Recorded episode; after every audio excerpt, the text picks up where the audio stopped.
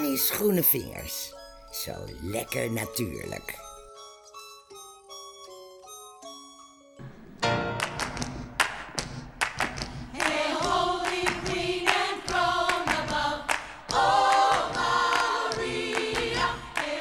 Opeens was hij er in mijn voortuin.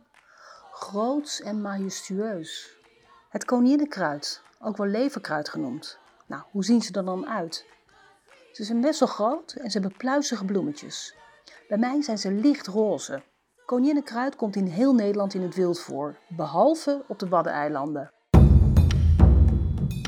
De plant is oorspronkelijk aanwezig in heel veel gebieden van Europa en Azië.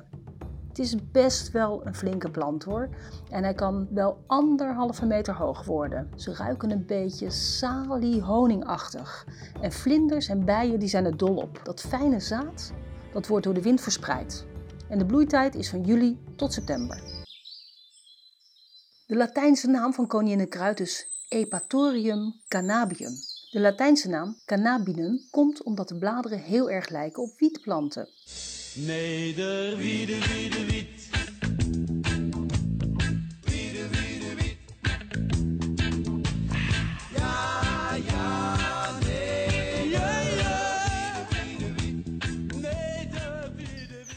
De naam koninginnenkruid komt waarschijnlijk van het feit dat het vroeger Sint-Kunigskunkruid werd genoemd. Daarvoor moeten we even naar de middeleeuwen. Want in Polen daar leefde Cunegonda. En zij was groothertogin van Polen. Cunegonda die had een mooie ziel, want ze deed vooral liefdadigheidswerk. Ze hielp de armen en bezocht lepraleiders. Toen haar echtgenoot in 1279 stierf, verkocht ze al de materiële bezittingen en ze schonk het geld aan de armen. Hoe mooi is dat? Nou, dat viel in de smaak bij de katholieke kerk en Cunegonda werd op 16 juni 1690 door paus Alexander VIII zalig verklaard. En in 1695 werd Cunegonda uitgeroepen tot patroonheilige van Polen en Litouwen. Nou, echt snel zijn die katholieken niet, maar op 16 juni 1999 werd ze door paus Johannes Paulus II officieel heilig verklaard. Het kan verkeren.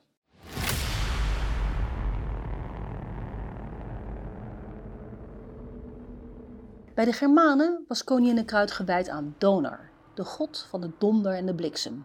Hij werd in huizen opgehangen ter bescherming tegen blikseminslag. Nou, de kerk vond het helemaal niks, die keurde dat heidense gebruik af en die vervingen het voor een aanvaardbaar christelijk gebruik. Nou, wat deden ze dan? In augustus kon men in de kerk een buidel inheemse kruiden met onder meer koninginnenkruid laten inzegenen. Dan mocht je het mee naar huis nemen en dat zou dan weer beschermen tegen blikseminslag. Logisch toch? Koninginnenkruid is een hele bekende plant in de volksgeneeskunde. Ze bevordert de spijsvertering en ze verhoogt de activiteit van de galblaas. Nou ja, dat had ik moeten weten, voordat mijn galblaas eruit werd gehaald natuurlijk.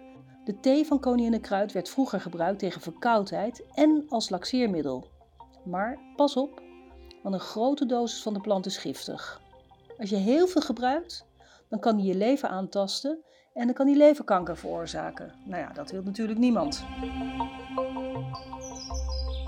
Ik heb flink moeten zoeken, maar ik heb er eentje gevonden. Een liedje over koninginnenkruid. Want in het Engels heet het Joe Pye Wheat. En ik kwam een trio tegen, alle drie met bril en twee met een lange baard. En die zingen over Joe Pye. Het zijn de Skelly Line.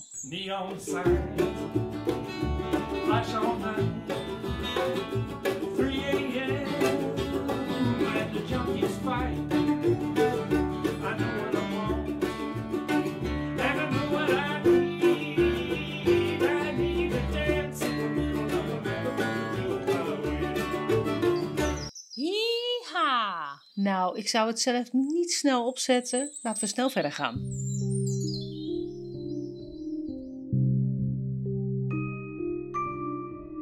Er is zelfs een gedicht geschreven over het koninginnenkruid, maar misschien zijn er wel meer hoor. Koninginnenkruid van Frans Hoppenbrouwers. De heerzucht van koninginnenkruid. De exaltatie langs de boerensloot. Hooghartig wijf begeerd door de despoot. De schelle lach van de verbeurde bruid. Verwerp de adeldom in blad en bloem en laat de nectar naar ontbinding ruiken. zoals rietvorms rottend in de fuiken. Ontdoe het wazig deemsterkleed van roem. Een keur van duizendogige insecten die kermis vierden op het bloemige hoofd, waaruit de lijklucht van de nectar lekte, heeft het macht van het koningschap beroofd en nederig voegt zich bij de secte die slechts in dood en ondergang gelooft.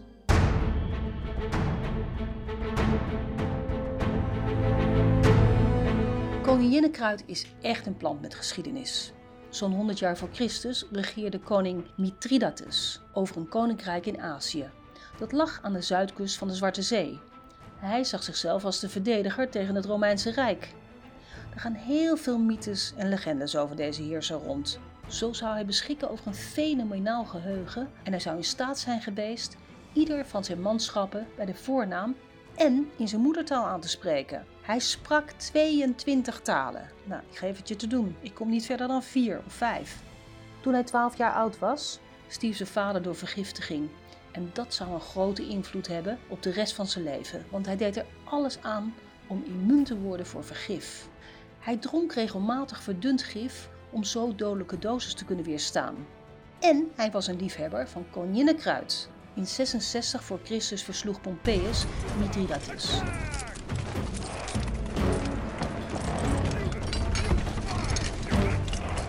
En de despoot vluchtte naar de Krim, waar zijn zoon ook een klein rijkje had. Zijn plannen om van daaruit de Romeinen opnieuw te bestoken mislukten, want de bevolking wilde niet nog een keer dokken voor het oorlogstuig. Mithridates besloot zelfmoord te plegen om niet in handen van de Romeinen te komen.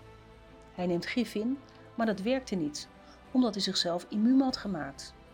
Toen dat niet werkte, heeft hij zichzelf op een zwaard gestort. Lieve mensen, wat een verhalen allemaal. Nou, ik ga maar even een kopje koningin de leverkruid thee zetten. Maar niet te veel, hè? Tot de volgende keer. Toedeledokie.